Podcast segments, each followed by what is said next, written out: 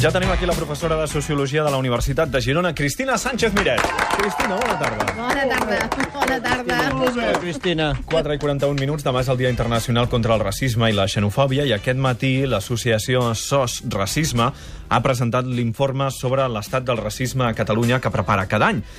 D'aquest document es desprèn, per exemple, que cada quatre dies es detecta un nou cas de racisme a casa nostra i també es desprèn que el que anomenen racisme social ha augmentat un 41% al 2014.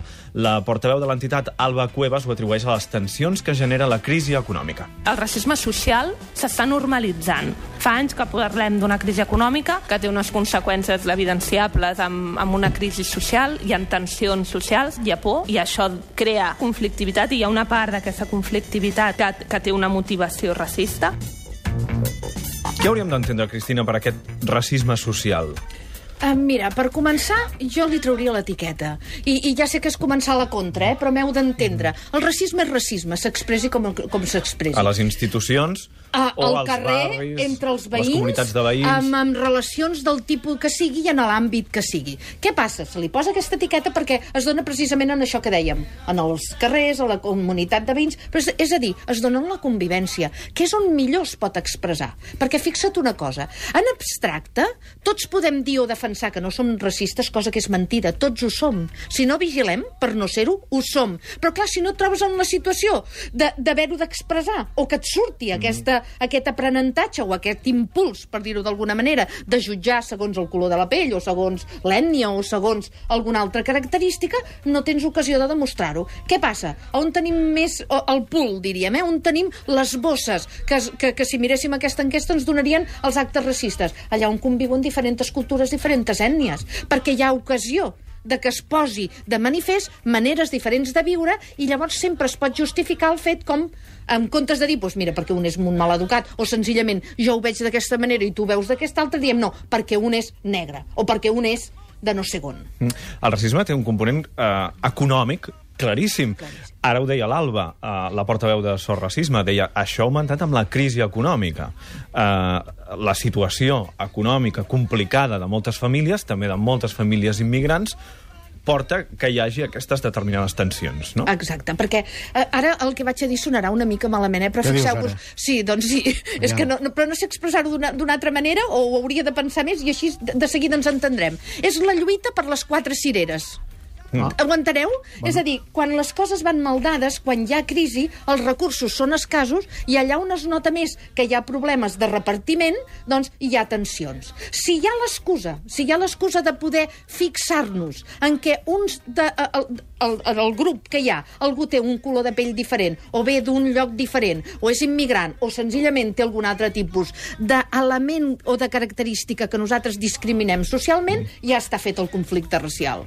Clar, eh, aquí hi ha un discurs de és que l'immigrant s'ha quedat dues cireres, quan Ah, exacte. probablement el que hi hauria d'haver és un discurs cap a l'administració de dir, escoltin, en situació No de crisi arriben. no n'hi ha prou amb quatre cireres, no, n'hi no hauria d'haver sis. Som no? sis i Exacte. resulta que només hi ha quatre cireres. I a sobre el que fem és barallar-nos entre nosaltres, és a dir, en aquest cas els que s'han de repartir eh, a, aquestes cireres, és a dir, aquells que estan en pitjor situació, en comptes de reclamar al conjunt de la societat i en general què està passant que no podem viure.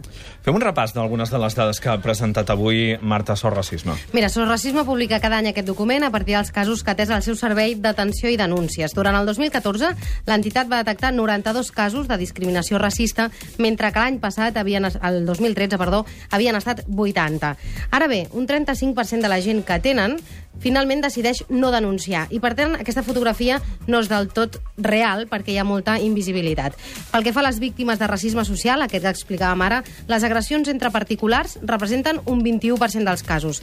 La discriminació en l'accés als serveis privats, com per exemple demanar un crèdit, és el 16%, i els abusos de la seguretat privada un 4%. Uh, parlem també del racisme institucional, que aquest, encara que no sigui el majoritari, segons les denúncies recollides per l'entitat, també existeix i, con i continua sent molt visible en determinades I institucions. tant, no? i a més a més és la mateixa expressió que l'altra. El que passa que es dona, és a dir, que té un plus afegit més perillós perquè se suposa que les institucions, i en això vull dir no les institucions en abstracte, els representants d'aquestes institucions són els que més haurien de vetllar per no discriminar les persones, per qualsevol raó, pel color de la pell o qualsevol altra raó. Eh, en aquestes dades dades que tu deies, Marta, jo sí. crec que cal, val la pena... És cert que no reflecteixen en realitat quants casos de racisme hi ha. I ni tan sols els conflictes, eh? Ni tan sols els conflictes, no només perquè molta gent acabi retirant la denúncia o no denunciant, sinó perquè n'hi ha molts que ja no s'atancen a ningú per explicar-ho. Però a banda d'això, em sembla molt important, i, i això és l'aspecte més important, eh? el que vaig a dir ara no anul·la això que acabo de dir. Però hem de tenir en compte també una altra cosa. Mireu, eh, canviem-nos de lloc. Anem a Estats Units perquè ens serà més fàcil. Sempre és més fàcil comparar amb la llunyania, eh? que ens dona una distància que ens permet no tenir menys prejudicis o prenocions.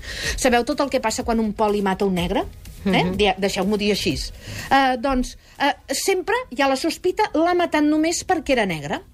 En algun cas, és possible que no ho hagi fet per això. Senzillament perquè s'ha vist en una situació de perill i hagués actuat de manera igual si fos blanc o negre la persona, o xinesa, o no sé, o, o, o, o una altra cosa en, si la situació hagués estat igual. Però no podem saber-ho, perquè és el problema del racisme.